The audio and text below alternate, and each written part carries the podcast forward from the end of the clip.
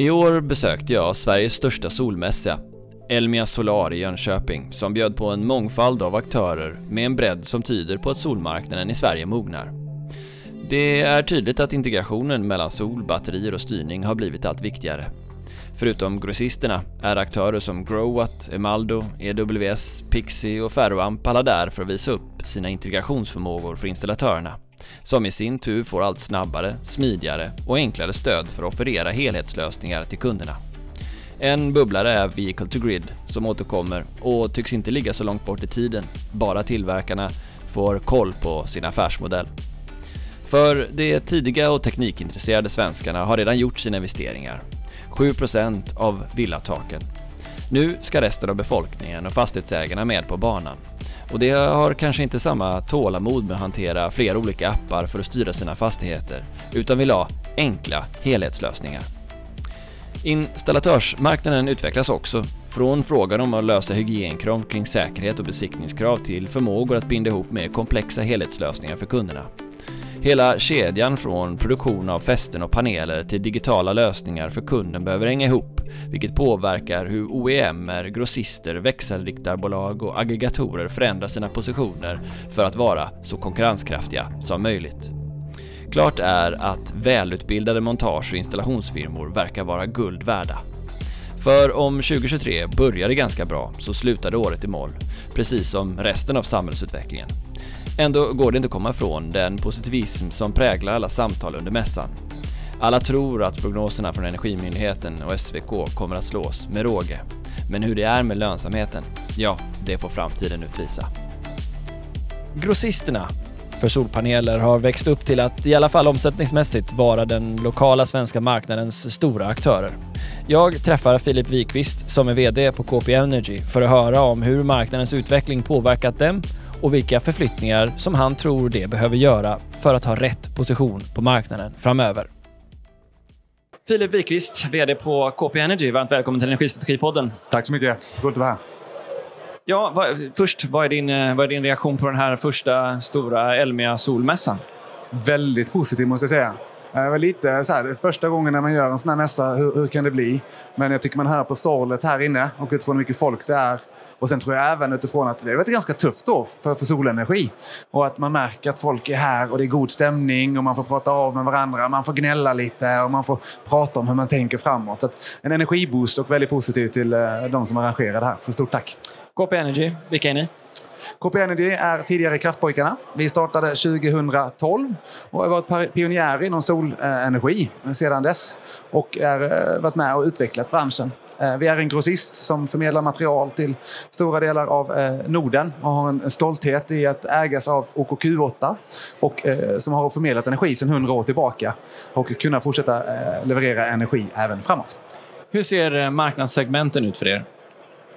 Ja, men du har ju, man brukar ju dela in segmenten i tre stora delar kan man säga. Där du har eh, residential som är mindre villor, sen har du CNI, commercial industry och sen har du utility som är de större eh, parkerna och så vidare. Eh, vi har ju historiskt sett varit väldigt starka på villasegmentet, alltså det som kallas då residential. Men, men likt i, i branschen, som hur den utvecklas, så har ju commercial industry växt. Eh, samtidigt som att vi genom vårt ägarbolag OKQ8 som satsar mycket på utility även är med eh, på den marknaden. Så jag skulle säga att vi har gått från att vara mycket residential till att vara över hela bredden.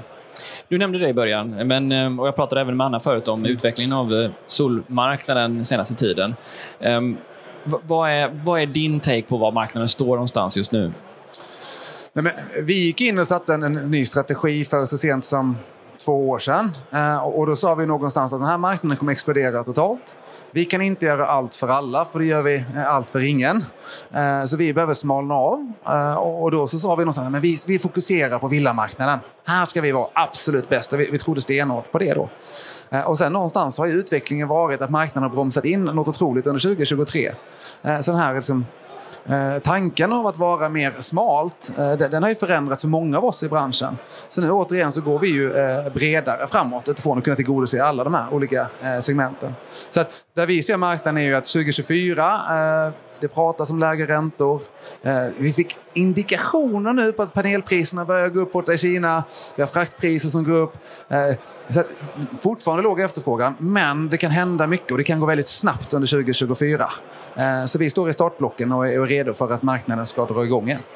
Ja, den som har följt solutvecklingen i Sverige har ju sett en årlig tillväxt, nästan en dubblering år ja. för år för år. Och så kom då 2023 där ett antal omvärldsfaktorer gjorde att det gick från ja, men en snabb hastighet till mycket lägre. Vad skulle du säga, vad var de viktigaste faktorerna som, som föranledde inbromsningen?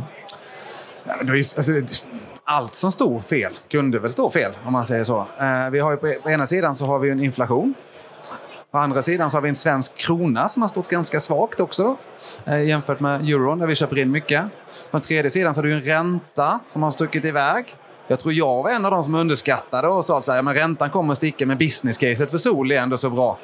Och sen så har vi ett elpris där, där alla stod för ett år sedan. Eh, jag satt och pratade med Ibrahim Baylan här för ett tag sedan och eh, sa någonstans att jag bara, ja men det var ju ingen prognos som tydde på någonstans att den här marknaden, att elpriset skulle gå ner så mycket som det har gjort. Alla sa att det skulle gå uppåt.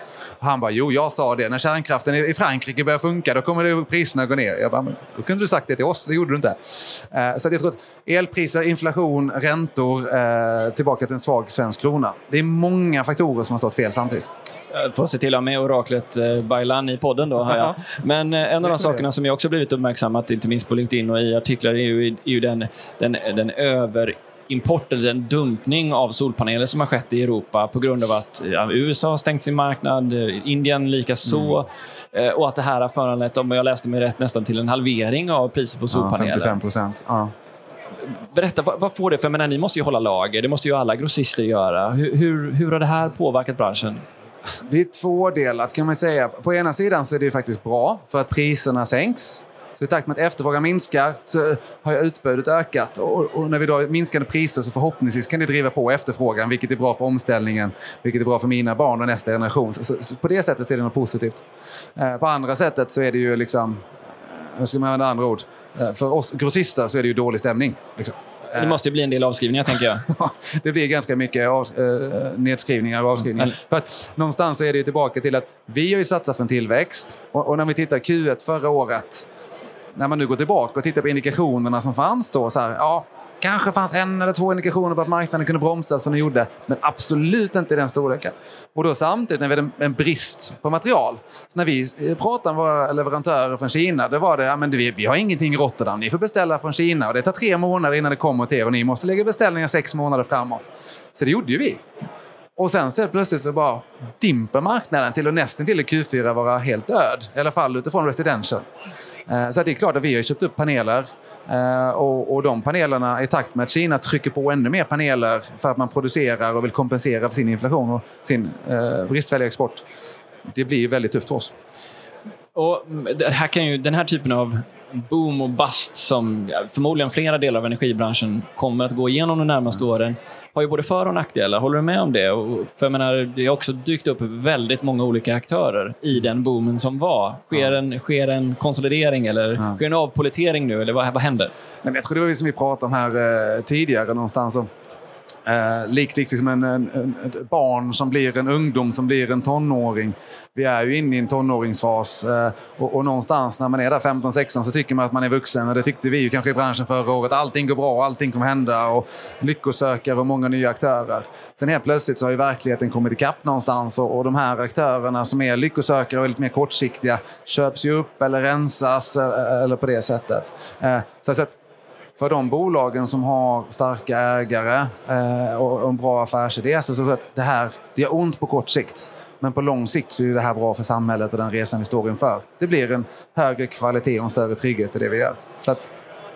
Nu får du rätta mig om jag har fel här, men så som jag uppfattar det så så har den här branschen också gått från i princip att kränga solpaneler och vara en grossist för det till att bli mycket mer marknadsintegrerad mot elmarknaden. Både i hur det styrs men också att eh, få batterier på plats, mm. att få EMS-system på plats i fastigheter. Vad är er roll som grossister? För jag hör ju alla som vill sätta ut EMS-system i fastigheter, de behöver ju installatörer som förstår det här och mm. ni är ju relativt sett installatörerna rätt så stora. Hur, vad är er roll här?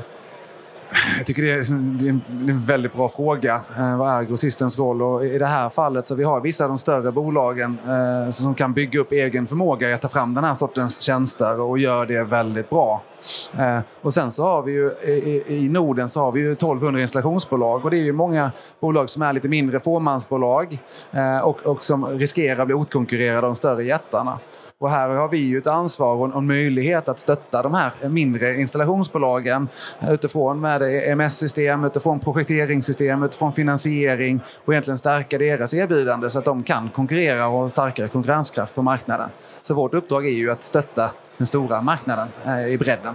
Det måste också bli en utmaning i affärsmodellen, tänker jag. För ni är med med mycket hårdvara. Det kommer sådana som, som Growwatt, som vi hade med här alldeles nyligen, mm. som kanske står för hemmabatterier eller snabbladdare eller vad det nu är. Och sen så är det också aggregatörerna. Helt plötsligt är det många parter. Vad leder det här för typer av utmaningar affärsutvecklingsmässigt för er? Nej, men jag tror att du har den här, alla vill ju någonstans i det långa loppet ha relationer med kunden.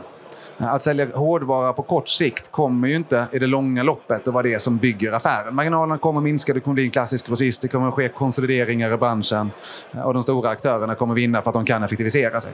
Så du behöver ju hitta en, en, en nisch utifrån hur stöttar man den här utvecklingen. På kort sikt, eh, och det tror jag även kommer vara utifrån nästa år, så i och med att marknaden har varit så pass volatil, så så länge du har kunnat ha saker på hyllan och leverera i tid, så har man stuckit ut positivt som grossist. så det har ju räckt någonstans eh, tills där vi är nu. Men nu kommer vi in i den här delen som du pratar om, utifrån vilket värde kan vi tillföra för oss. Jag tror att vi kommer hitta våra roller på ett bättre sätt där eh, hårdvaruleverantören hittar sin roll, vill gå inom distributörer för man kan inte hantera alla kunderna utan man hittar en kund som gör det. Eh, de större aktörerna inom eller solenergibolagen kommer gå med sina egna EMS-lösningar och kundrelationen medan vi kan stötta de mindre aktörerna eh, tillsammans med partners och få en, en win-win situation där de här installationsbolagen får installera, där vi bidrar med material och, och finansiering och leasing och den sortens lösningar för att hitta en helhet. Så jag tror att det kommer att nyckla ut sig ganska bra här under 2024-2025 eh, och branschen kommer att mogna i det. Om vi nu tänker oss då att eh, jag tror Anna sa det, att 7% av villorna har solpaneler på sitt tak i Sverige hittills. Så har vi ju liksom betat av mycket av det som är early movers på marknaden. De som mm. kanske är extra teknikintresserade och brinner för det här, kan acceptera många olika appar. Och så kommer den här stora massan då, mm. sen massmarknaden, mm. som kanske inte är lika stort intresse. Den förflyttningen i segment, och det kanske också gäller fastighetsägare för all del. Um, hur påverkar den förflyttningen eh, kriterierna för bästa konkurrensen? Men jag tror vi diskuterar den eh, mycket och jag tycker det är det är en väldigt bra fråga du ställer. För att, eh, solceller har gått från någonting som man vill ha till någonting man behöver ha. Och eh, kunderna har ju gått från att skaffa solceller på taket för att det är fräckt till att man vill ha teknik i sitt hem för att sänka sin elräkning. Eh, och den tekniken behöver ju inte bara vara solceller. Det är en ganska stor förflyttning. Det är en väldigt stor förflyttning. Och eh, sen vill, eh, har ju gått, kunderna gått från att vara de teknik, eh, innovators, teknikintresserade, som går igång på att det är en viss watt på en panel eller en viss frekvens, till att du någonstans ska ha en kund som ska förstå. Den stora massan ska kunna skapa enkelhet och förstå det beslut man fattar. Eh, och den omställningen vi är många teknikintresserade här. Hur går vi från att vara fokuserade på vad tekniken, eh, spesan av tekniken, till värde som tekniken kan skapa?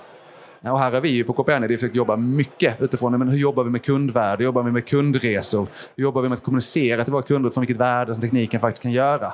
Snarare, eller att komplettera produktfokuset med kundvärdestyrda fokuset. Vad är den framtida kundresan? Har du en beskrivning av den?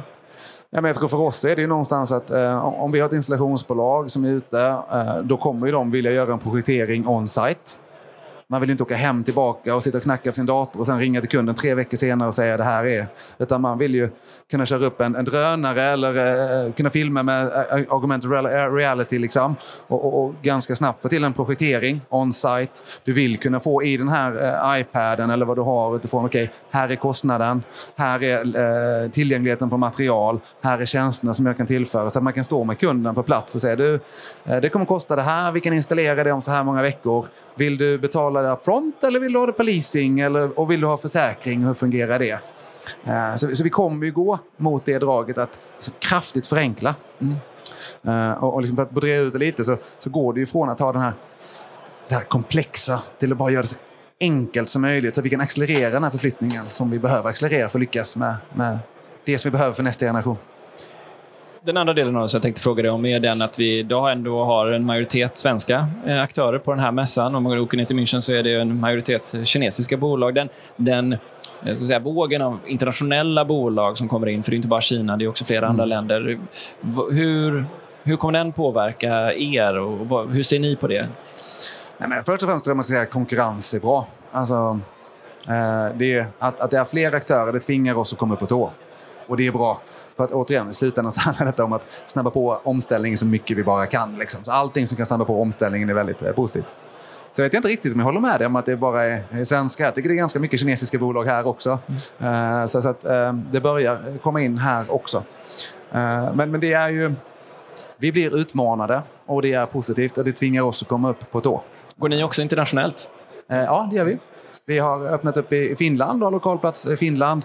Vi har även kunder i Danmark och i Norge och andra delar av världen som, som köper av oss.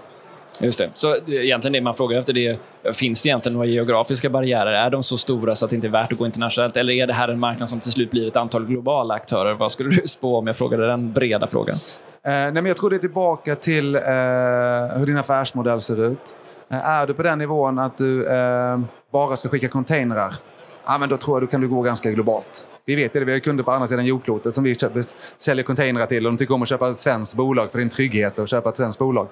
Eh, men vill du ha eh, Karlssons elektriker i, i Jönköping, eh, då vill ju de ofta ha ett, ett stöd. och då blir det ju mer en lokal fråga och där ser vi att det, det lokala gör ju skillnad. Ja, okej. Okay. Vi um, har fått jättemycket matnyttigt av den här intervjun. Vad, vad, ser du nu då framåt? Vad skulle du säga är de viktigaste frågorna för er att ja, se hända? Är det, är, det, är det marknadsdrivet? Vad är policydrivet? Hur skulle du säga? Men jag fick en liknande fråga i en annan intervju här eh, utifrån eh, regelverk och lagstöd. Och det, det, är klart att man, eh, om vi ser halva glaset tomt så kan man ju tycka att vi har en 500 kilowatt spärr. Varför är den där? Det är otydlighet med, med batterier och, och Skatteverket och stöd. Förtydliga det. Alltså det finns en del otydligheter. Samtidigt så har vi ju subventioner på andra sätt på villor och så vidare som stöttar utvecklingen. så att just nu skulle jag säga att det det stora är ju utifrån eh, räntan och marknadsutvecklingen och, viljan att investera i solenergi. Eh, det är ju osäkerhet om elpriset. Kommer det öka? Vissa säger, och jag är en av de som tror det, att det kommer att öka framåt. För att det, men, vi ser ju inte den effekten. Eh, så, att, det är en väldigt osäker framtid och här tror jag att de bolagen som blir bäst på att hantera den här volatiliteten, den här solarcoaster, de bolag som kan hantera det, det är de som i långa loppet kommer vara de som lyckas. Eh, man vill inte satsa för hårt, men man vill inte heller vara en fegis. Så hur hittar man den här balansen och förmåga, flexibilitet? Du verkar ju ha ett väldigt eh, passionerat driv för omställningen som helhet, inte bara de produkter som du representerar. Vad är, vad är din take nu då på Sveriges förmåga till omställning och hur det går? Uh, nej, men det är klart jag har det. Jag, alltså jag jobbade inom telekom tidigare och för fem år sedan valde jag att gå över till, till uh, renewables uh, för att, uh, framförallt för att jag har fått tre barn de senaste åren och man tänker vilken framtid kommer de ha? Och, och, och hur kan jag motivera vad jag gör på dagarna för dem? Så ja, det blir ju en hjärtefråga. på en Europanivå så tycker jag att vi gör många bra saker. Och det känns som vi driver på rätt. Nu också utifrån ytterligare med 2026, 2027 och byggnader och, och krav och så vidare. Eh, på en svensk nivå så har vi ju gått bakåt eh, de senaste åren, vilket är, vilket är tråkigt. Eh, och här vill man ju se ett större fokus. Man pratar ju kärnkraft, liksom, och man pratar till viss del vind. Men sol nämner man inte längre. Och, och, det är ju väldigt tråkigt, inte för att sol förtjänar att vara i toppen, men det handlar ju om ett ekosystem av alla kraftslagen och hur kan vi få de här att samarbeta tillsammans och göra den här omställningen. Så att... Eh, jag skulle inte säga så här att jag är frälst på sol, men jag är frälst på omställningen och sol har en viktig del. Och jag skulle önska att det är fler inom politiken som, som pratar om sol och dess ansvar, möjligheter. Det får vi återkomma till. Filip, tack så mycket för att du tog dig, du tog dig tid att vara med i Energistrategipodden. Stort tack för att jag fick vara med. Du har precis lyssnat på Energistrategipodden som produceras av Sigholm. Är du nyfiken på hur det som diskuteras i podden påverkar just din verksamhet?